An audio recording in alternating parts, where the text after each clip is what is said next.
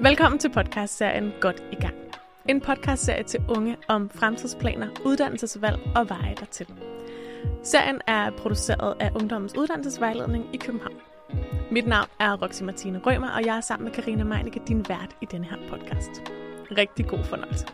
Hej og velkommen i studiet til jer to. Vi er så glade for, at I havde lyst til at være med i det her afsnit, fordi vi ved, at I begge to har nogle helt særlige, meget stærke, inspirerende historier. Men øh, før vi kommer ind på jeres historier, så er det meget rart lige at møde jer hver især. Så øh, hvis I lige har lyst til at fortælle lidt om, hvem er I, hvor gamle er I, hvor kommer I fra, hvad interesserer I jer for? Så øh, ja, et par ord fra jer hver især. Mm. Mm. Ja, øh, jeg hedder Morten, 21 år gammel, og jeg bor i, jeg bor i en lille landsby, der hedder Sengeløse.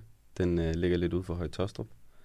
Lige for tiden, der, øh, ja, der, der er jeg egentlig øh, ude efter, på udkig efter noget arbejde. Øh, det synes jeg egentlig, det er jeg lige nu. Mm. Men nok egentlig, hvad man kalder et sabbatår nummer to. Det, det er der, vi er i hvert fald. Fedt. Og hvad har din vej været fra, øh, fra folkeskole til sabbatår? Hvilken vej er du gået? Jamen, øh, jeg gik i Sengeløse Folkeskole i Sengeløse Landsby. Øhm, og efter det, så tog jeg på øh, gymnasiet. Jeg tog på STX, hvor jeg øh, havde fysik af og matematik af. Øhm, og så ja, det var inde på Rysensten, inde ved Hovedbanegården. Og så efter det, jamen så er jeg, hvor jeg er nu her, to år senere. Fedt. Og øh, har du nogle særlige øh, interesser, som du bruger tid på her i din sabbatår? Jamen, øh, der er blevet spillet en del computerspil. Fedt. Hvilke computerspil? Åh, oh, øh, det, det er alt. Alt under, under, under solen, kan man sige. Det er alt fra Counter-Strike til øh, Overwatch. Der er en masse forskellige. Øh, jeg, jeg holder mig ikke kun til en. Øh, men ja, det, det er egentlig det, jeg har brugt mest tid på, så prøve at arbejde og prøve en masse forskellige ting. Fedt. Tak, Morten. Og hvem sidder ved siden af Morten? Jamen, jeg hedder William, og jeg er 21 år gammel. Øh, som person er jeg sådan en meget energisk person, som øh, udover at have, at have ADHD, så øh, har jeg bare altid haft et højt energiniveau. Øh, jeg har taget folkeskolen øh, på Nyhollænderskolen, og så har jeg taget øh, efterskole i 10. klasse efter. Øh, og så efter det har jeg så taget en øh, erhvervsuddannelse på Niels Brock. Og ud fra den uddannelse, så har jeg så fået en, en faglært uddannelse i detail, som så gør, at jeg arbejder i en tøjbutik nu. Øhm, så det er det, jeg laver. Ikke? Mm-hmm. Og hvad har du af interesser ud over øh, tøjbutikken? Øh, mine interesser har været træning fra starten af. Øh, både da jeg var mindre, hvor jeg spillede fodbold, og så nu, hvor jeg ikke kan spille fodbold mere, så er jeg så gået mere over til fitness øh, og løfte lidt tungere. Så, ja. så ja. Og William, du nævner jo, at du har ADHD og et højt energiniveau. Mm. Og faktisk, øh, en af grundene til, at vi har inviteret jer begge to ind i det her afsnit, er, at det er en fællesnævner for jer begge to. Det er, at I har diagnosen ADHD. Og altså, hvad er ADHD for jer hver især? Har I lyst til lige at sætte et par ord på det? Ja, ja øh, altså for mig, så ja, altså jeg fik faktisk øh, diagnosen ADD øh, og, og ikke ADHD. Det er to, hvad kan man sige, det er, du kan nærmest sige det som et spektrum. Altså det er, det er to sider af samme sag. Øhm, ADHD står for Attention Deficit Hyperactivity Disorder, og ADD står for Attention Deficit Disorder. Som man nok kan høre, så lyder de meget ens. Den eneste forskel er, at vi har det her H, og H det er den her hyperaktivitet. Så William er hyper, og du er ikke hyper? Ja, hvis man okay. skulle skære alt over, ja. over man kan sige, en kamp og, og, og skære meget ud i pap. Øhm, I bund og grund er det jo et, et spektrum, og der er der helt klart også nogle tider, hvor jeg tænker, okay, skal jeg lige køle lidt ned, for der er helt klart øh, et H, der er til stede her. øhm, og andre tidspunkter, hvor jeg godt kan se, at, øh, at der måske ikke er så hyper sammenlignet med andre, der måske øh, har haft mere af det karaktertræk. Øhm, men sådan rent for mig, praktisk øh, i min hverdag, i måden det, man kan sige, kommer til udtryk, er det meget i, øh, i for eksempel mine øh, tankemønstre. Øh, hvis jeg skal sidde og lave en, en kedelig opgave, hvis jeg skal sidde og skrive et eller andet, en ansøgning, eller sidde et eller andet tilbage i gymnasiet, når jeg skulle sidde og en dansk opgave, eller der er også nogle gange matematikopgaver og så videre, jamen så det her med ligesom at holde fokus, holde overblikket øhm, og komme i gang med opgaver, er ligesom tre punkter, som virkelig er, øh, kan man sige, noget, som jeg i hvert fald kæmper mere med, end jeg ser mine, mine andre jævnaldrende øh, kammerater kæmpe med. Okay, øhm. respekt, øhm. fordi det synes jeg, jeg har ikke diagnosen ADHD. Jeg synes i forvejen, det er svært. Ja. Ja. Præcis. Så, øhm, og det er helt klart nogle af de ting, som, øh, som har betydet meget. Øhm, Ja, og så rundt omkring i hverdagen, og så er det jo også sådan noget som, at jamen, så smider man sine nøgler væk, eller så glemmer man en eller anden vigtig aftale, selvom den stod i kalender, og selvom man fik en notifikation en halv time før, og om så kommer lige fra det, fordi der var den her vildt spændende YouTube-video, mm. eller, eller et eller andet i den stil. Og det er jo ikke fordi, at jeg sådan måske øh, er ligeglad øh, med, med de aftaler, jeg laver, men, men simpelthen fordi, at jeg måske kommer til ikke lige at være helt nok til stede mm. øh, i, øh, i momentet. Så, tak for lige at sætte nogle ord på, på, hvordan det er for dig. Fordi jeg synes, det kan være vildt svært at forstå. Og netop det der med, at det kommer i så mange forskellige varianter, altså på det her spektrum. Og William, du har jo også diagnosen ADHD. Er der noget af det, som Morten fortæller, som du kan genkende til, eller er det, er det anderledes øh, for dig at have ADHD? Øh, jeg kan sagtens genkende, hvad Morten siger. Det er også det, hvor jeg sidder og nikker. Det, jeg, det kan jeg godt forstå. Øh, og så tror jeg også bare, det er vigtigt øh, for dem, der hører med, at forstå, at ADHD er sådan meget sådan Øh, det er forskelligt, den måde man kan have det på. Øh, man kan have det i en høj grad, og man kan have det i en lav grad, og nogen har ikke behov for medicin, og andre har. Øh, og man kan sige, inden jeg overhovedet fik diagnosen ADHD, så fik jeg faktisk diagnosen bipolar lidelse, som er en, man kan sige, det er en lidt mere seriøs ting, fordi at øh, man skal have sin bipolar lidelse under kontrol, før du overhovedet kan tage medicin for ADHD. Øh, men nu hvor jeg står i dag, så har jeg ikke bipolar lidelse, så det var sådan en kæmpe forvirring omkring, hvad jeg havde. Øhm, men, øh, men hvor jeg mærker min ADHD mest, er helt klart min koncentration. Jeg har utrolig svært med at kunne koncentrere mig på opgaver. Øhm, og jeg har altid været meget sådan selvstændig i mig selv, så jeg har, inden jeg har fået diagnosen ADHD, jeg har jo altid kæmpet imod det på en eller anden måde, fordi jeg er altid sådan, nej, nu vil jeg gerne kunne gøre det her, og de andre kan. Øh, og jeg har ikke nogen diagnose. Øh, men koncentrationen har ikke klart været den største faktor for mig. Mm. Og så også, at jeg har den der øh, jeg vil sige, attention til andre. Jeg får utrolig meget dopamin af, at hvis jeg får folk til at grine. Og ja, det har så også gjort, at jeg har gjort nogle dårlige ting, men, øh, men ja, det er der, hvor ADHD'en træder ind. Mm. Fedt. Altså, øh, og tak fordi I er så åbne og ærlige og modige og fortæller om det her og gør os alle sammen klogere mm. på, hvor, hvordan det kan føles helt vildt forskelligt. Jeg synes, det kunne være spændende at prøve at dykke ned i nogle af de der historier, som du også ligesom lægger op til, og som du også er inde omkring, Morten, det der med, mm, hvornår, jeg er nysgerrig på, hvornår finder I ud af det? Og er der nogle situationer, hvor, altså, hvor bliver det ligesom tydeligt for jer, hvor er det, I opdager, at der er noget her, hvor det faktisk er mere udfordrende for mig, end for mine klassekammerater, som du siger? Og hvor løber I ligesom panden mod muren og finder ud af, at I bliver nødt til at gå en anden vej, eller finde noget hjælp? Øh, og hvordan er det for jer? Øh, er der nogen af jer, der kommer i tanke om nogle konkrete historier, eller noget, I har oplevet indtil videre? I hvert fald øh, for mig bliver det, kan man sige, meget konkret øh, i, øh, i 2G i, i gymnasiet. Øh, jeg var kommer fra en lille folkeskole i, øh, der i Sengeløs, som jeg sagde tidligere. Hvor lille er lille? Lille er øh, en 15-16 elever i klassen.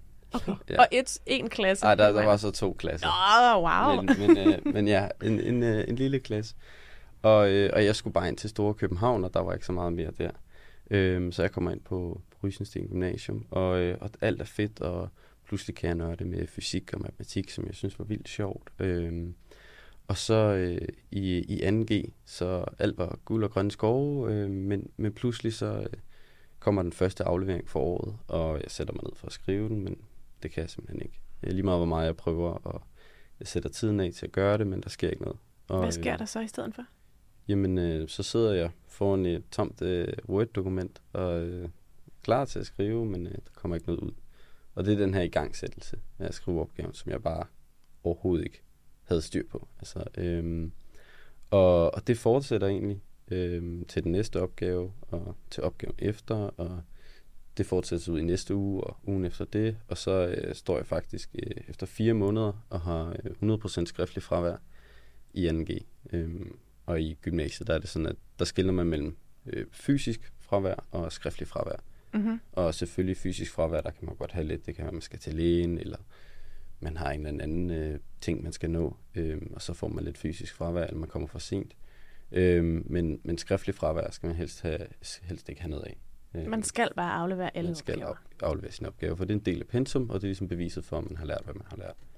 Øhm, Hvordan så, har du så slået afsted med ikke at have afleveret opgaver i fire måneder? Ja, Jamen, øh, jeg tror egentlig, fordi at vi var en, vi var en ganske fin klasse, øh, og der var, der var ikke sådan, som sådan folk, der havde de her issues på den måde. Øhm, så jeg tror oprigtigt ikke, der bare sådan blev kigget så meget efter det, fordi man, Nå, men de får fine karakterer og så videre. Og det gjorde jeg jo egentlig også, fordi at, når jeg sidder og snakker med folk, så kan jeg sagtens, øh, har jeg ikke noget problem med at række op i timen. Tværtimod, jeg synes, det er sjovt, og det er det, der gør, at jeg ligesom kan holde fokus i timen, at jeg bare sidder hele tiden og har den her dialog øh, med læreren. Så, så pludselig en dag, så kommer min dansk lærer ned til mig midt i en time og siger, Morten, øh, kan jeg ikke lige snakke med dig ude foran døren? Au. Ja, og så ved jeg jo godt, hvad klokken den slår, og jeg tænker, okay, fint. Jamen, øh, så er det nu, de smider mig ud. Så hvordan har du haft det indtil da? Har du gået og tænkt over, åh, oh, fuck, jeg ved godt, yeah. jeg er alle de ting. Jeg ved godt, jeg skylder. Ja, så øh, jeg vidste udmærket godt, at jeg havde det her, hvad kan man sige, efterslæb. Og øh, det var noget, der tyngede på mine skuldre. Hvordan føles det? F- virkelig ikke fedt. Øhm, og jeg troede også i en periode, at øh, jamen, øh, jeg måtte jo bare være dum eller et eller andet. Fordi den var jo ikke længere, alle mine andre klassekammerater kunne.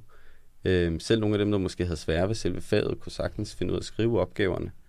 Øhm, så, så der var jo tydeligvis et eller andet, hvor jeg bare ikke var tilstrækkelig. Eller eller andet, og det var sådan nogle tanker, jeg var begyndt at have. Øhm, men så min dansk lærer, hun hiver mig så ud fra klassen, og heldigvis bliver jeg ikke smidt ud lige der på stedet, øhm, som jeg ellers lige troede, jeg skulle. Øhm, og hun spørger ligesom ind, og hun tænker, der er noget derhjemme, eller et eller andet, er der nogen, der gør noget, eller hvad fanden, hvad måtte der være, fordi det var tydeligvis, at jeg havde en drive for, for at gøre det her mm. gymnasie færdigt. Øhm, og så... Øh, ja, hvad svarer du så? Jamen, så svarede jeg, jamen, øh, hvis jeg lige kan tænke over det hen over weekenden, så, så prøver jeg at komme med et svar. Så jeg købte mig lige, jeg købte mig lige noget tid, og øh, jeg kommer tilbage med et meget vagt, vagt svar, som var enten er det, fordi jeg ikke kan, eller så er det, fordi jeg ikke vil. Og jeg er ret sikker på, at jeg gerne vil. Okay, det er et meget øh, godt svar. Et meget reflekteret svar, var. Ja, men det er også... ikke det, hun regner med, at du Nok ikke, nej. Og så var hun sådan, nå, ja, okay. Jamen, hvad, hvad, hvad så? Ja. øhm, og så tænkte jeg, jamen, øh, så købte jeg mig en uge til. Nå? og, øh, og så, jamen, så, øh, hvis jeg lå, så, fordi på det her tidspunkt er jeg heller ikke nogen, der ved noget om det her. Hverken mine forældre, eller mine søstre, eller nogen af mine klassekammerater. Øh, så jeg lover, at jeg fortæller mine forældre det, så de ligesom kan komme ind over måske og støtte lidt. Og, øh, og, så, og så siger jeg, så prøver jeg ellers at finde ud af, hvad der ellers skulle være. Og så går jeg ellers bare i gang med at brainstorme og søge på internettet og finde ud af, hvad fanden er det, der sker her for mig. Så, øhm, og hvad, hvad gør du først? Altså forældrene eller internettet? Jamen, jeg blev først nødt til at briefe det til, til mine forældre. Ja. Øhm, og, og de var meget overraskede, fordi det, jeg viste dem jo ikke noget af det her. De, de så bare, jeg kom bare hjem fra skolen, og jamen fint, han har sikkert styr på sine opgaver, han går dog stadig. Mm. Øhm, så, så, så de blev meget overraskede. Øhm, og blev de sure? Faktisk ikke. De blev mere nok egentlig bare bekymret. Fordi at de, de kunne egentlig ikke rigtig se, hvorfor eller hvordan. Og jeg gik jo tydeligvis op i skolen og, og hyggede mig og havde nogle gode klassekammerater. Men, men af en eller anden grund, så afleverede jeg ikke mine opgaver. Øhm, og de, de prøvede jo at hjælpe så godt, som de nu kunne. Øhm, og, og blev, blev mildest talt ret frustreret, når de kunne se, når jeg prøvede at sige, kan I ikke så hjælpe mig med at komme i gang med den her opgave? Og de så kom tilbage en time efter, og sad, jeg, så jeg bare sad, og jeg stadig ikke havde lavet noget. Øhm, og de kunne ikke forstå, hvad de kunne gøre, så de prøvede måske, så prøvede de måske at blive lidt sure, når det virkede. Så Nej. prøvede de måske at engagere mig lidt ja. eller et eller andet. Men... Du må spille, hvis du skriver opgaven. Ja, ja, må, præcis. Ja. Et eller andet. Ja. Her, hvis du har skrevet en opgave, så er der en 50'er. Altså, er det det? Skal du have ja. penge for det, ikke? Altså. Ja, hvad virker? Ja, præcis. Øhm, og, men jeg blev ved med at undersøge og prøve at se. Og så finder jeg sådan en, øh, det er sådan 10 spørgsmåls hurtige ting om øh, 10 tegn, der godt kunne være på, at du måske havde noget ADD, ADHD, snak med en elev, du ved, hvis du tænker bla bla bla. Og så kunne jeg se lynhurtigt, at når jeg havde meget enig i alle de her tre ting, som er, du ved, er der altid rod på diverse. Øh, glemmer du øh, for eksempel ting, du skal nå? Sidder du og tænker på, øh, øh, hvorfor man engang kaldte en cykel for en cykel, i stedet for at sidde og, og, og have matematikundervisning og alt sådan noget. Øhm, og så sagde jeg, okay, fint, der, der må, det må jeg tage som tegn på en eller anden måde. Og så valgte jeg så at tage til lægen, og sige, øh, hej, øh, jeg tror måske, jeg har ADD eller ADHD, eller hvad det nu er, det hedder. Og så siger hun, okay, jamen, øh, hvis du lige kan udfylde den her, og så rækker hun mig præcis det samme papir, jeg lige havde udfyldt mm. på en eller anden hjemmeside, jeg ikke ved, hvad hedder. Øhm, og så vidste jeg jo godt lidt måske, okay, der kunne godt være noget om snakken. Og så bliver jeg sendt til psykiater og bliver udredt. Hun finder relativt hurtigt ud af, jamen, øh, der, det er lidt det. Så det, det var ligesom hele historien om, hvordan jeg finder ud af i 2G, øh, ja. lige før jeg blev 18, øh, at, øh, at jeg er ADD. Ja. Wow, jeg kunne vildt godt tænke mig at komme tilbage til det med, hvordan det så føles, når man finder ud af, at man har den her diagnose.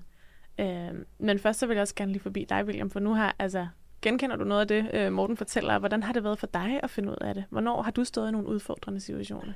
Jamen, altså, øh, kort fortalt, så tror jeg bare, jeg havde, jeg havde en, en svær start i folkeskolen øh, med noget mobning, og det sætter et traume fra starten af i det der med, at man ikke føler sig accepteret, eller man ikke føler, man, at der er nogen, der elsker en. Øhm, og man behøver ikke gå i detaljer, fordi man skal bare forstå det der med, at det er mobning, og det er jo ikke fedt på nogen måder. Nej. Øhm, Nej, det så, har konsekvenser for alle. Det har, altså for alle væsener, uanset om vi har diagnoser eller ej. Lige så præcis. det at blive udelukket fra fællesskabet.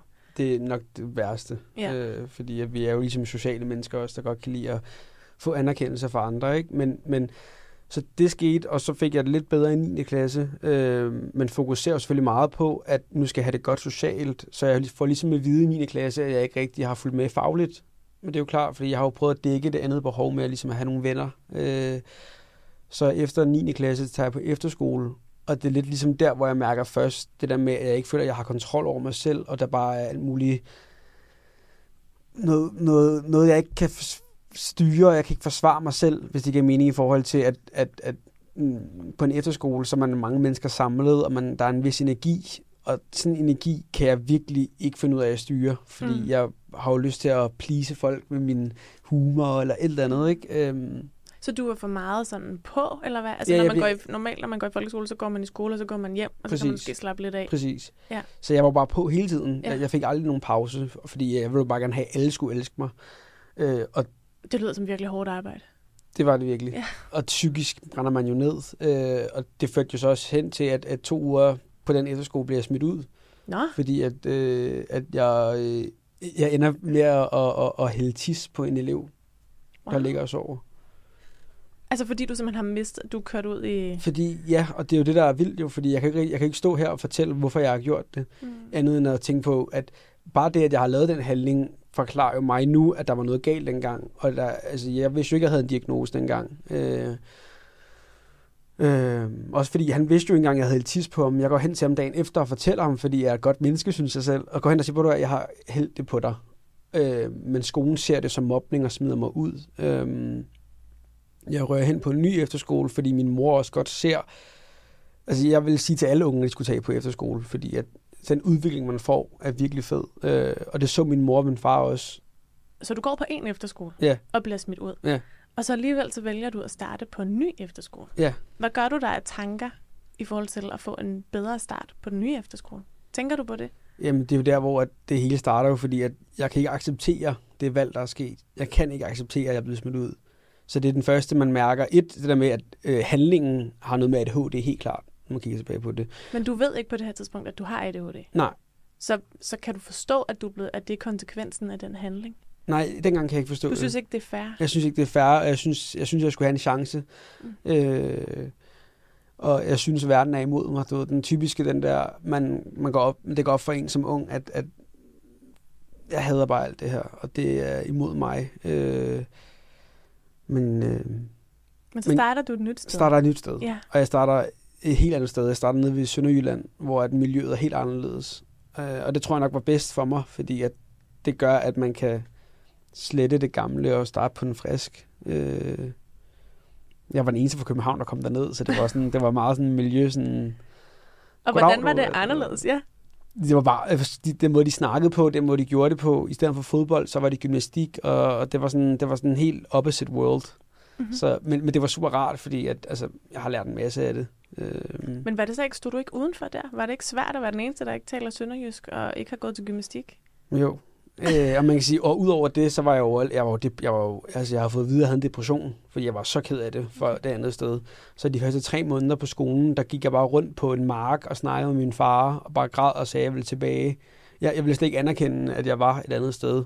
Så det var først til sidst, altså ikke til sidst, men det var først altså efter min far sagde, at du har ringet og grædt nu i to måneder. Du er på skolen, vi har betalt for skolen. Prøv nu bare at give det en chance. Og så ændrer ens mentalitet sig fuldstændig. For så er man sådan, okay, nu øh, ændrer jeg mit perspektiv på det her. Nu er jeg her. Hvordan kan jeg prøve at få det fedeste og øh, de fedeste til at ske nu, ikke? Så det var det så det, jeg gjorde. Og hvordan gjorde du det? Men så begynder man jo at, at, at være åben Altså, fordi jeg har jo bare indlukket mig selv. Så begynder man at snakke med, med mennesker, og man begynder at bare deltage i timen, så de ser en, at man ikke er bare sådan en københavner, øh, øh, men bare en sød knægt. Mm. Øh, så, øh, ja. men, øh, ja. Og hvornår går det med ADHD op for dig? Øh, er det først efter efterskoleåret? Ja, det er efter, når efterskoleåret er færdigt, fordi øh, første efterskole, der var det der med tissue, og ja. den anden efterskole, der var jeg faktisk tæt på at, at, at dræbe mig selv, fordi jeg kørte på sådan ATV fuld øh, ind i et hegn, som kunne skære halsen over mig. Så jeg har lige pludselig to, uh. jeg har pludselig to efterskoleophold, hvor jeg tænker, hvordan kan jeg handle sådan her, uden at tænke mig om. Altså, der er noget med ikke at tænke sig om. Der er noget med at handle for, for at få en, en tilfredsstillelse for andre mennesker, ja. som går ud over mig selv. Ja. Så det er det, der stiller mig spørgsmålet. Og hvad, har du, hvad, hvad, hvad lærer du så af at være afsted på de to? Jamen, jeg lærer, at jeg slet ikke har kontrol over mig selv, og, og egentlig går ned med det, går ned med flaget over det. Øh, så, øh, så, så, så, så det bliver jo sådan en, øh, lige så meget som folk kan fortælle til dig, du skal, du skal, du skal, du skal ikke gøre det her, så, så skal man nok først gøre det, før man selv forstår, at man ikke skal gøre det. Altså hvis det giver mening. Ja, ja. Øh, og jeg havde måske bare brug for at, altså, at fejle, fejle, fejle, indtil jeg selv forstod, okay, der er noget galt her. Ja, der er noget her, der ikke fungerer. Jeg skal snakke med min mor omkring det her, og jeg skal ja. til lægen eller et eller andet. Ikke? Altså lidt ligesom der med at være presset, som Morten også, det der med, at man skal have siddet ind i, og kigget ind i en blank skærm ja. i så mange timer, og være presset ind til, at nogen andre kommer og siger, hey, der er noget her, der ikke fungerer. Ikke? Præcis, altså, præcis. Og du skal have haft de der voldsomme oplevelser til at være sådan, okay, det fungerer sgu nok ikke, hvis jeg vil leve et langt øh, liv, hvor jeg også er glad. Præcis. Altså, ja. Præcis. Så hvad gør du? Hvad, hvad sker der så? Øh, jamen altså for det første så snakker jeg med min mor rigtig meget, og det har været en stor hjælp. Det er noget, jeg vil fortælle til alle unge mennesker. Man jeg kan ikke være sin mor, men man bare har en ven eller en familiemedlem, eller en eller anden, man kan snakke med om sin hjerne, hvad der foregår deroppe. Fordi at øh, når jeg ligesom får lettet byrden og bare får snakket løs, så får jeg det et, jeg får det meget bedre. To, jeg føler ikke, at det er mærkeligt, at jeg begynder at tænke på, at jeg måske har noget ADHD eller noget, fordi at jeg har brug for at vide, hvem jeg er, og få udredt mig selv, hvis det giver mening. Ja. Øhm, så, så det er faktisk jer, der selv tager initiativ til at gå til lægen? Ja, ja. fordi min mor har nævnt det til mig før. Okay. Min mor, hun arbejder på en skole for unge, der har det svært, som har diagnoser. Så min mor har også haft det sådan, han har et ADHD, men når det blev nævnt, så er jeg jo bare stoppet op og sagt, jeg har ikke nogen diagnose, jeg, mm. der er ikke noget galt med mig. Mm. Og det gad jeg faktisk godt lige høre fra jer begge to. Det her med, nu er vi kommet til samme sted i begge jeres historier. I har fundet ud af, at der er noget her, der begynder at være svært for jer i det almindelige liv, i den vej, de fleste af jeres klassekammerater går. Der er noget med en diagnose, der begynder at komme i spil. Øh, du havner til lægen, du har udfyldt et spørgeskema, er også hos lægen. Og så nævner du den her modstand med, der er ikke noget med mig. Jeg skal ikke have den her diagnose. Hvorfor er det, at, øh, altså, hvorfor har I begge to haft den modstand mod at få en diagnose? Jeg har egentlig ikke faktisk haft øh, sådan, som sådan modstand okay. mod den der diagnose. Øh, det var, jeg undrede mig lidt først og tænkte, okay, nu, nu giver vi det et skud. Men som sådan var jeg aldrig sådan rigtig, havde jeg aldrig sådan rigtig modstand mod selve diagnosen. Det var mere det der med, hvad, hvad tænker folk som mig, når jeg har mm. den her diagnose. Øhm, og, og, men, men der, det blev overvældet. Og hvad overvældet. tror du, at de vil tænke om dig? Altså, du må også gerne supplere, William. Hvad, jeg tænker, det... Ja, men, ja. men jeg blev så overvældet af, at pludselig der var så mange ting, der faldt i hak. Der var så mange ting, der gav mening. Mm. Øh, som jeg kunne forstå mig selv og min måde at interagere med andre mennesker. Og, og så, så det blev så overvældende, at, at det der med det der chok med, uh, nu er jeg pludselig en med en diagnose i i virkeligheden hedder det jo en psykisk lidelse. Der er alle de her ting og masse stigmaer, men, men det var så, så overvældende pludselig at kunne forstå mig selv og bruge det her, den her diagnose, som jo er et værktøj til at jamen, sige, okay, hvordan kan jeg arbejde proaktivt mod, skråstreg med øh, de her kort, jeg nogle gange har fået for hånd. Mm. Mm, man, man kan sige... Havde du det på samme måde, William? Jeg har altid haft den der med, at der er ikke noget på mig. Altså, jeg er William, jeg er et fantastisk menneske. Ja. Jeg skal lige sige, at da jeg var ung, så lavede jeg børnetv, og det giver sådan en rigtig ego-boost med, at man er, man ja. er bare... Altså, fordi folk spørger jo, om man må tage billeder. Så jeg har bare haft den der, der er ikke noget galt med mig. Og i min familie har jeg virkelig også været en, en hård negl. Altså, jeg har virkelig været... Jeg har råbt og skrevet af min mor, fordi jeg bare har været så jeg har slet ikke haft styr på noget. Nej. Så jeg kan huske, da jeg så endelig tillader mig selv at få diagnosen, altså sådan, du ved, det der med at tage ind til min mor, og, og, og vi tager til lægen sammen, så jeg kan huske, den, der faktisk bryder sammen mest, det er faktisk min søskende, fordi de bryder jo sammen over, at, øh, at de har jo også været hårdere for mig jo.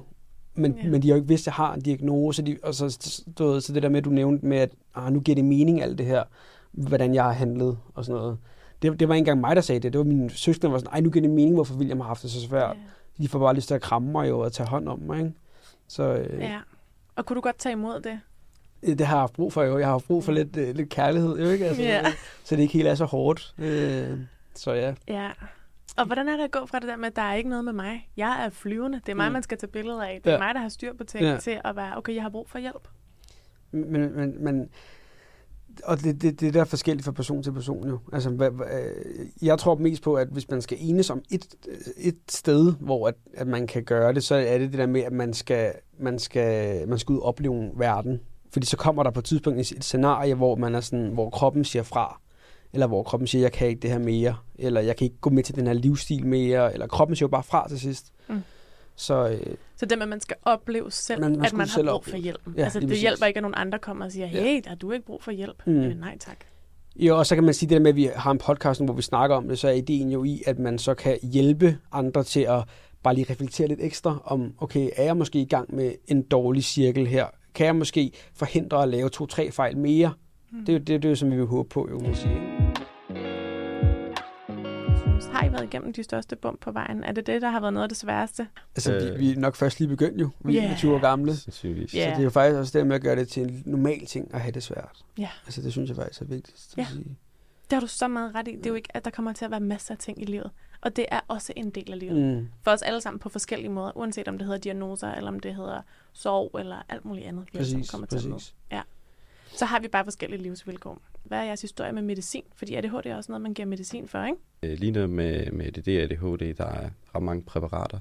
Øh, jeg selv... Øh, og præparater betyder forskellige slags medicin? Mediciner, ja. øh, behandlingsmetoder. Øh, der er nogle, hvor du skal være på dem hele tiden, øh, hvor du tager måske morgen, middag og aften, og du simpelthen har den her effekt, også når du sover osv. Så, så er der nogle, hvor du kan tage dem ligesom... Øh, hvad kan man sige, starter morgenen ud med at tage pillen, og så var den måske 6 timer, så har man måske en anden, der var 4 timer, og så har man dagen nogenlunde dækket ind. Øhm, og det, det kommer man på præparat til præparat. Øh, jeg selv, kort efter jeg blev diagnostiseret, kom på øh, Ritalin, mm-hmm. øh, som er ret kendt øh, ADHD-medicin, ja. og faktisk også ret gammelt, ja. øhm, og egentlig ikke så populært mere. Øh, men, men min psykiater anbefalede det til mig, så jeg tænkte, hvorfor? Jeg kan lige så godt prøve det. Øh, og, og det, det hjalp så, så ubeskriveligt meget. Hvad gjorde øh, det? Jamen, øh, jeg læste faktisk en artikel her, øh, jeg tror det var i går eller forgårs, øh, det var med Ida Lauerberg, hende der sangeren. Uh, øh, hvad, hvad synger hun? Kender, kender øh, du hende, William? Hun er aktuel med, jeg kender ikke. hun er aktuel med en sang lige nu. Okay. Øh, og hun fandt så ud, efter, ud af, efter hun har blowet op med den her skide sang, øh, ej, sorry, øh, med den her sang, at, at hun havde også øh, ADHD. Øh, og så beskrev hun det som, at når hun tog øh, medicin for det, så var det som om, der var nogen, der slukkede for m Oh, og det synes jeg bare var et rigtig følelse. godt billede. Ja. ja, fordi når m den kører, og du står og laver mad, så man forstår ikke, hvorfor, men man er stresset, og det hele sådan, ja. føles sådan intenst. Og så er det først, når der er nogen, der lige slukker m Nå, det var derfor. Ja, øh, det, er meget, det er meget godt. Øh, ja, det, er, meget det er et meget godt billede. Det er et meget godt billede, ja. øhm, Og det, det er lidt det, der sker, øh, i hvert fald for mig, øh, når jeg tager Ritalin. Pludselig så kan jeg fokusere, øh, og jeg kan blive ved, og jeg kan strukturere meget bedre, og det gælder alt fra en lille opgave til min hverdag, til at, at, altså lige ved sige mit liv. Men øh, altså virkelig, virkelig øh, forskel. Øh, og på måden Ritalin fungerer, det er lidt ligesom, øh, jeg ser det som kaffe. Øh, mm. Det er lidt ligesom min kaffe, at så om morgenen, så tager jeg en, øh, hvad kan man sige, en lidt længere virkende pille, og så tager jeg måske en anden pille lidt senere på dagen. Øh, og så kan det være helt senere på dagen, for eksempel, der gik i gymnasiet, måske skulle bruge lang tid på at indhente alle de her opgaver fra første halvår af 2G. Og så havde jeg nogle lange aftener, og så blev det altså til lidt ekstra øh, Ritalin. Og det er jo noget af en cliffhanger. Altså, hvordan gik det så med de opgaver? Ja, jamen, øh, jeg kæmpede mig igennem. Der var, der var ikke så meget mere. Pludselig så havde jeg det her redskab, som blandt andet var Ritalin, øh, som gjorde ligesom, at jeg kunne få hovedet oven vandet. Mm. Altså nu kunne jeg ligesom lige sige, okay, mm. hvad er det, der sker her? Nu er jeg ikke nu har vi det her et skridt ad gangen. Øhm, og så kunne jeg meget bedre begynde at arbejde med, hvordan er mine tankemønstre? Hvad, hvad er det, jeg kan gøre for at undgå det her? Okay, måske skal jeg have nogle støjdæmpende høretelefoner. Og det havde jeg allerede, for det havde jeg fundet ud af mig selv, at det havde jeg brug for, øh, uden at vide, øh, at jeg havde øh, ADHD. Okay, hvad var der ellers? Nå, jamen, så kunne det være, at hver gang man skal til at skrive en opgave, så laver man en udførlig plan for, mm. hvad det er, man skal skrive. Så kan man selvfølgelig altid ændre den, men som udgangspunkt, så laver man en udførlig plan ja. for, hvordan man skriver opgaven. Øhm, så, så der var alle de her arbejdsmetoder og teknikker, som jeg pludselig kunne gennemskue og sige, okay, det er måske det her, jeg har brug for, fordi jeg ligesom fik det her overskud af at have det her ritalin. Jeg begyndte at studere en filosofi omkring øh, stoicismen, som er en det ved jeg ikke, hvad. oldgammel øh, filosofi for romeriet, øh, som er sådan meget sådan, at man skal være, man, øh, man skal være, øh, det er sådan det, som mit mantra også går ud på, det der med, at det handler ikke om, hvad der sker for dig, men hvordan du reagerer på, hvad der sker for dig. Mm-hmm. Så det vil sige, man opbygger en, en utrolig disciplineret og skemalagt hverdag. Så det vil sige, at jeg skriver alt ind i en kalender, vågner hver morgen, så tager jeg et isbad, for eksempel. Uh. Og det gider jeg ikke at gøre, men det tager jeg hver dag. Du gør det alligevel. For at, ligesom, at sige til min hjerne, når jeg siger, at jeg gør noget, så gør jeg det. Ja. Fordi så begynder jeg at træne min hjerne til at kunne øh, fokusere på opgaver, fordi jeg er vant til at sige, nu, nu, nu, laver jeg den her, nu læser jeg den her bog en halv time, for eksempel og så læser jeg en halv time. Så, så træner jeg jo, til sidst så bliver det jo en vane. Ja. Øhm, så det er jo det, det hele handler om. Ja. Så det er noget med, altså der hos jer begge så det der med disciplin, og ting er ikke til forhandling, men ligesom har man besluttet sig for noget, så man ved er godt for en. Præcis. Så er det vigtigt at prioritere at gøre Præcis. det. Så det ikke heller handler om, om, om, jeg føler det her. Ja. Om hvad, hvis du bare kigger på det objektivt, hvad er det så det rigtige at gøre her? Ja. Så det er sådan lidt det, som jeg, jeg prøver på. Ja. Det er jo, og det er jo nok egentlig, kan man sige, om ADHD, ADD eller ej, så kan jeg kun se, at det er jo en praktisk ting, at det er disciplin og, hvad kan man sige, som du også selv siger, at, at det kan være start, svært at starte en opgave, om, om, om man har ADHD eller ej. Ja. Øhm, så der er helt klart også noget til det. Ja. ja. Og så vil jeg sige, at det vil jeg sige til alle mennesker faktisk, at de skulle meditere hver dag. Ja, det gør du også. Det er så smukt at gøre. ja. Mediterer du hver dag, morgen? Nej. Nej. det skal du. Det skal du. Ja. Hvad vil han få ud af at meditere hver dag? Hvad har du fået ud af det? Øh, øh, utrolig meget taknemmelighed har jeg fået ud af det. Men, ja. det. men det er fordi, at man kan meditere på forskellige måder, men jeg tror, øh, øh, jeg, jeg, jeg øver meget at kunne være taknemmelig for, hvad jeg har i mit liv. Mm. Og det kan give mig utrolig meget ro, faktisk. Fordi når jeg mærker en form for kærlighed, det kan være, at jeg mediterer i 10 minutter, hvor jeg ser mig være i mit sommerhus med min mor, for eksempel. Så begynder jeg jo med at smile og sådan noget. Og det giver mig utrolig ro, fordi at jeg fandt ligesom ud af, at man har op til 50-80.000 tanker om dagen. Så hvis jeg kan prøve at korte dem ned og, kon- og kunne kontrollere det lidt, så, øh, så er det en måde at kunne, den med ikke at kunne tage medicin. Ikke? Mm. Øhm, Ja, finde noget ro. Find noget altså, ro. Op, har du sat det i system? Altså, er det hver morgen, eller hver dag det, det, er et, efter, eller? det er efter isbadet. Okay. Så vi skal altså lægge os lidt i selen, morgen. Vi kan ja, godt stramme op. Godt, ja. Er der andre værktøjer, som uh, I har lyst til at dele, uh, som fungerer for jer? Jamen, øh, som du nok også, altså træning har virkelig også været, ja. før, før jeg begyndte, øh, altså da jeg var under udredning, men, øh, ligesom ikke havde fået stillet diagnosen endnu, og ikke var kommet på medicin endnu, så øh, begyndte jeg at fokusere meget på træning, i et forsøg på at skabe noget struktur, og ligesom opretholde et energiniveau, fordi når du går der og føler, at du er dummere end alle dine klassekammerater, og har følt det de sidste fire måneder, så går man jo ned i nok, hvad der egentlig er, øh, en, en depression. Øhm, og, og, og der er jo så for eksempel at holde sig fysisk aktiv kan være et rigtig godt redskab, når man, især i mangel af bedre, men også bare generelt. Øhm, og det er noget, jeg har, har prøvet at holde ved øh, rigtig godt. Øhm, og så fungerer for dig? Ja, ja, altså på det tidspunkt, der trænede jeg en masse kampsport, og jeg blev helt bit af det. Og det var fantastisk at få noget, hvor jeg pludselig følte, at jeg kunne noget igen. Øh, så det var derfor, jeg gik fuldstændig amok og, og trænede en syv gange om ugen. Okay. Øh, alle mulige forskellige kampsportsgrene. Øh, men, øh, men det blev pludselig efter gymnasiet lidt upraktisk med transport og så videre. Så nu er jeg bare begyndt øh, helt traditionelt at løfte nogle, nogle tunge ting og sætte dem ned igen. Ja. Det, ja, det, det har jeg også nyt. Ja. Øhm, og igen, noget med struktur. Ja. Jeg er helt enig. Løfter du også tunge ting? Jamen, øh, jeg, jeg, det gør jeg også, men øh, jeg tror selv, jeg løber også. Det, her forleden løb jeg et halvmarathon. Øh, det er ikke for at få, få applaus. Men, jo, men, men det så kan vi godt lige anerkende. Men, det. Men, men, men, mere det der med, hvor, altså, hvor rart det er at dyrke motion for, ja. for en ADD, ADHD-hjerne. Ja. Fordi øh, al den energi, man kan føle, man har, den der, uh, den rører ligesom helt ned, fordi man, man bruger energien på noget, på at løfte tungt, eller på boksning, øh, eller noget. Hmm.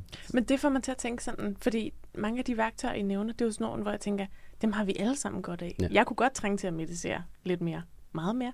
Træne meget mere. Mm. Altså, øh, altså tage isbad vil helt sikkert også være rigtig godt for mig. Øhm, men det virker til, at I faktisk er bedre til at prioritere det. Øh, ja. Det kommer nok også af behov. Ja. Altså, det, det er jo nok egentlig, fordi man ikke har noget valg. Ja. Øh, fordi at... Øh, nu er ikke for at bagatellisere øh, dine udfordringer, men, men hvis, øh, hvis jeg ikke gør det, jamen så, så kan jeg ikke bestå gymnasiet. Øh, men hvis du ikke gør det, kan det være, at du måske får en lavere karakter. Øh.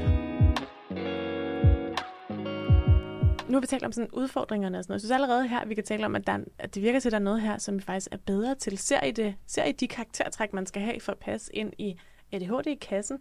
Oplever I, at de, øh, de kan være en fordel på andre livsområder?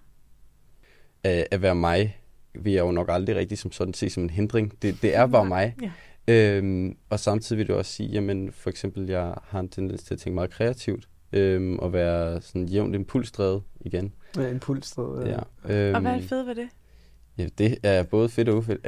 altså, det kan for eksempel være, at man har en samtale, øh, og hvor altså, så kan jeg pludselig øh, altså, komme med sådan nogle udbrud. Altså, hvis der er et eller andet, jeg gerne vil sige, så kan jeg sådan ikke holde mig tilbage og kommer til at afbryde folk. Og, og det er egentlig ikke noget, jeg har lyst til, men det er noget, jeg nogle gange kommer til, og så er jeg blevet arbejdet i at tage mig selv i det og sige, okay, fint, så lader jeg være med det.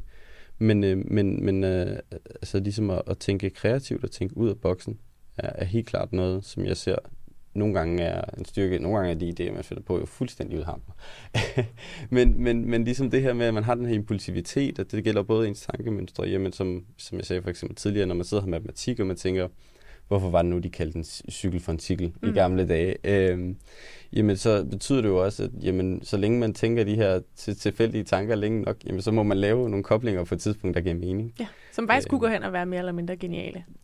ja, gal eller genial. ja, ikke? Altså, det er jo nok mere undtagelse, men så må man bare holde fast ja. i dem, der er genial. Ja. Øhm, og det har jeg også brugt i min, mit arbejde. Øhm, hvor øh, vi har fundet, hvad kan man sige, øh, hvor jeg har foreslået ting til, til min tidligere chef, hvor jeg var sådan, jeg tror faktisk, vi burde gøre tingene på den her, den her måde. Og så er hele, vi vendt hele skuden på grund af de ting, jeg sagde. Øh, bare som mini-salgsmand. Ja. ja. Så det er faktisk vigtigt, at man tillader sig selv at gå med det her, der også er styrkerne i det, fordi man nogle gange kan se ting på en anden måde. Det er man nødt til. ja, præcis. altså, det, der, der er jo ikke så meget andet for, øh, øh, fordi det er jo, og, og hvis ikke det havde haft en diagnose, så, jamen, så, så havde det jo bare heddet sig, at man var en lidt impulsdrevet type, som ja. øh, havde lidt dårligt ved at fokusere. Og så må man arbejde med de øh, kort, man nogle gange er blevet givet. Er der noget, du vil tilføje, William, i forhold til, ja, hvad du ser som fordel? Med at være på på en scene og lave comedy, har jeg kun set som en fordel, at jeg har så meget energi. Fordi der kan jeg bruge min energi jo. Og der, også da jeg lavede børnetv, så er det med at være på på en scene, og folk kigger på dig, har jeg elsket det, fordi at der har min ADHD bare været øh, på plads derinde. Ikke? Altså, på sådan noget med, med underholdningsbranchen, når du er på, så elsker jeg, at jeg har ADHD. Ja, fordi, fordi du har sådan et ekstra gear. Jeg har ekstra gear, som ingen kan komme op på. Ja. Så det, det mener jeg virkelig. Jeg mener virkelig, at jeg har sådan en uh, 10. gear, som ja. ingen kan komme op på. Ja. Så det er jeg glad for. Ja. Jeg kunne godt tænke mig at vide her til sidst. Er der noget af de her, nogle af de ting, I har lært, og noget af de værktøjer, I bruger, sådan noget, gør det, at I fortæller jeres omgivelser om det? Altså er der noget, I gør opmærksom på i forhold til familie, venner, arbejde? Er der noget, de skal vide om jer, eller noget, I selv gør jer umage med ligesom at fortælle, sådan så I sikrer, at det bliver en god oplevelse, eller en god arbejdsplads, eller I har det godt, og de har det godt? Jeg tror ikke, at, at jeg fortæller folk, for eksempel, jeg møder Hej, jeg hedder William, jeg har ADHD. Altså, det, det gør jeg ikke, men, men jeg tror, at... Øh, altså, hvis vi bare snakker om de mennesker, der kender mig, øh, som godt ved det, så tror jeg bare, at øh, jeg tror ikke, der skal laves en stor ting ud af det faktisk. Øh, når jeg tænker tilbage, så tror jeg, det eneste der, det er, at den livsstil, jeg har valgt nu, på grund af, at jeg har ADHD, altså det der med for eksempel at meditere og sådan noget, det har jeg på en eller anden måde brug for, at de ved. Så jeg fortæller om min livsændring og siger, at jeg gør altså det her, jeg gør det her, I burde virkelig også gøre det. Øhm, så jeg tror bare, jeg tror bare, at spørgsmålet er svært at svare på i forhold til, at mennesker skal jo ikke vide det, men hvis det er nogle valg, der er gode, så kan man fortælle om det og sige, jeg synes også, du skulle meditere, Roxy. Mm. Ja. Det, det, det. Så du står ved, hvem du er, ja. og du skjuler ikke, hvem du er, eller hvilken livsstil du har. Nej, ja. men jeg har ikke brug for at sige det til fremmede mennesker, Nej. kan man mm. sige. Nej. Ja, jeg kommer også i tanke om, at altså, det der med at fortælle til mennesker omkring øh, din diagnose for den sags skyld for ADHD. Det anvendte jeg også på min arbejdsplads. Altså, da jeg tog min uddannelse på Niels Brock, så var det så to år i praktik. Den tog jeg i Føtex. Øh, og der, der, blev, der blev jo også sagt rimelig hurtigt fra min side af, hvordan jeg arbejder, og hvem er jeg. Øh, og det tager en arbejdsplads, og det skal de i princippet også, men de tager jo hensyn til dig. Så jeg fik jo også lov til at, øh, hvis jeg havde brug for måske ikke at være oppe i butikken, hvor der er masser af kunder, jeg, jeg kunne måske bare mærke, at jeg har brug for at få lov til at tage noget musik i ørerne, og så være på lager. Ja. Og så får jeg lov til det, øh, selvfølgelig i en vis orden, hvis det giver mening, men det der med, at når du faktisk fortæller om, at du har nogle behov, så vil den anden part selvfølgelig prøve bedst muligt at hjælpe dig. Øh, så det er utrolig rart at, at fortælle om, øh, fortælle om dig selv. Ja. men, men, øh, men, ja. men det synes jeg også er en god ting at fortælle. Brugte du den øh, frihed så undervejs? Altså gjorde du det en gang, når man sagde, hey, jeg trækker mig lige, jeg går lige på lageret? Ja, så spurgte jeg jo ikke og sagde, jeg har virkelig bare mærkeligt lige nu, mine tanker de kører rundt. Øh, jeg kan ikke rigtig være med kunder. Kan, kan, jeg få lov til at gå ned på lager? Og så er de sådan, ja, selvfølgelig, selvfølgelig. Så ja. får vi bare en anden en til at gøre din opgave, og så kommer man ned. Ja. Så åbenhed giver kun gode ting. Ja. Helt klart. Nu er vi kommet til det sidste spørgsmål i det her podcast-afsnit, og det er sådan set bare nu, når vi har hørt jeres øh, fantastiske historier, og hvor meget I har været igennem, og hvor sindssygt meget I allerede har nået at lære, altså nået, hvor meget I har nået at lære om jer selv og om livet. Øh, til alle dem, der lytter med til det her afsnit. Øh, har I et, et godt råd, eller et mantra, en slags, I kunne tænke jer at øh, dele, som en lille sådan inspirerende afslutning på, øh, på det, I har delt? Øh, ja, altså jeg har en, som jeg lever efter nu. Det er jeg nævnte det også før, men det er jo det der med, at det handler ikke så meget om, hvad der sker for dig, men hvordan du reagerer på, hvad der sker for dig. Altså, at man ændrer sin perspektiv på, hvad der nu sker, fordi du kan ikke rigtig styre det, men du kan, du kan faktisk godt styre, hvordan du reagerer på det. Ja. Øh, også det der med åbenhed, hvis du bare er åben. Øh, det er jo ikke bare at gøre, men, men det der med, hvis man, hvis man faktisk virkelig går ind og tænker over, hvordan reagerer på alt, hvad der sker på en dagligdag, så kan man virkelig godt finde på ting, hvor man reagerer øh, negativt. Og, så det er faktisk et råd, jeg vil give til alle. Ja. Ikke bare ADHD, men alle. Så, så ja. Ja, at man kan ikke styre, hvad der sker for en, men man kan styre, hvordan man selv reagerer. På hvad der sker for ja. en, ja. ja. Så der har du helt klart også flyttet dig fra tidligt i din historie, ikke med, det er synd for mig, stakkels mm. mig, ja. alle er imod mig. Ja, præcis. Så okay, hvad, hvad kan jeg gøre? Hvad kan jeg gøre nu? Ja. Det der med efterskolen jo også, ikke? Altså kan også bare græde over, at jeg er på en anden skole, men jeg kan også bare handle nu, hvor jeg er her. Har du noget, morgen? Er der noget, du... Øh... Ja, jeg, havde, jeg sad og, sådan og tænkte, at sådan, jeg, har, jeg har ikke som sådan, sådan en, en mantra. Øhm, og har altid været lidt misundelig på folk, der har en. For jeg synes, ja. det lyder fedt. Det lyder mega fedt, en, ja. En, en mantra. Øhm, men men øh, jeg sad og kom til at tænke på noget, i, måske som jeg godt kunne have brug for at høre øh, tidligere, og nu egentlig også, for den sags skyld. Øhm, men det er at turde spørge om hjælp. Øhm, og, og, hvis, og hvis man ikke har nogen at spørge om hjælp, så må man finde nogen at spørge om hjælp, øh, så man kan spørge om hjælp. Og det er ikke nemt, øh, men, men det kan blive en nødvendighed, fordi hvis man, hvis man ikke spørger om hjælp, så, altså hvis jeg ikke havde spurgt hjælp, nu var jeg jo heldig, at der var nogen, der rakte ud til mig, men jeg så også greb den bold, øh, i det min dansklærer, hun kommer ned til mig og, og, og siger, at jeg har for meget skriftligt fravær. Men så, så, så kunne jeg bare have låst mig selv ned og sagt, men så er jeg jo bare, kan jeg bare ikke finde ud af det her gymnasie. Øhm, men den her med at spørge om hjælp. Øh, ja. ja. Det er, synes jeg gælder som faktisk, det kunne man godt koge ned til et mantra. Det er i hvert fald et sindssygt godt råd. Det, det er da et mantra. Ja. Du, du har et. Du har et. Vi har begge et. Vi har begge et. Vi har begge et. Tusind, tusind tak, fordi I vil være med, William og Morten, i det her podcast-afsnit. Jeg er helt sikker på, at der er ret mange, der kommer til at synes, det er mindst lige så spændende at lytte til det, som jeg har synes, det har været at sidde her og få lov til at høre jeres historie. Tak fordi du har lyttet med til det her afsnit. Vi håber, at det har sat tanker i gang hos dig. Husk, at du altid kan tale med en i din omgangskreds, familie, venner eller en vejleder, hvis du har lyst til at tale mere om dine fremtidsplaner.